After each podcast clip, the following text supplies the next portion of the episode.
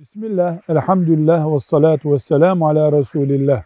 Namaz kılan Müslümanın önünden geçmek günahtır.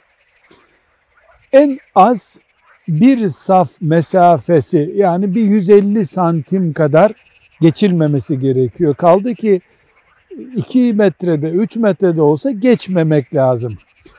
Namaz kılanın da önünden geçilmesine karşı tedbir alınmasını emrediyor Efendimiz sallallahu aleyhi ve sellem. Bu tedbir namaz kılanın önüne bir sürahi, bir sehpa, bir engel koymasıdır. Saf ne kadar olur? Yani secde edeceği yer 120-130 santim.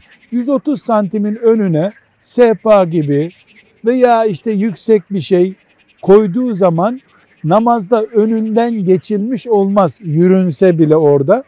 O koyduğu şeye fıkıh kitaplarında sütre adı verilir.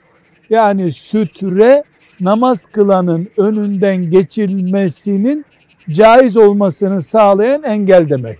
Velhamdülillahi Rabbil Alemin.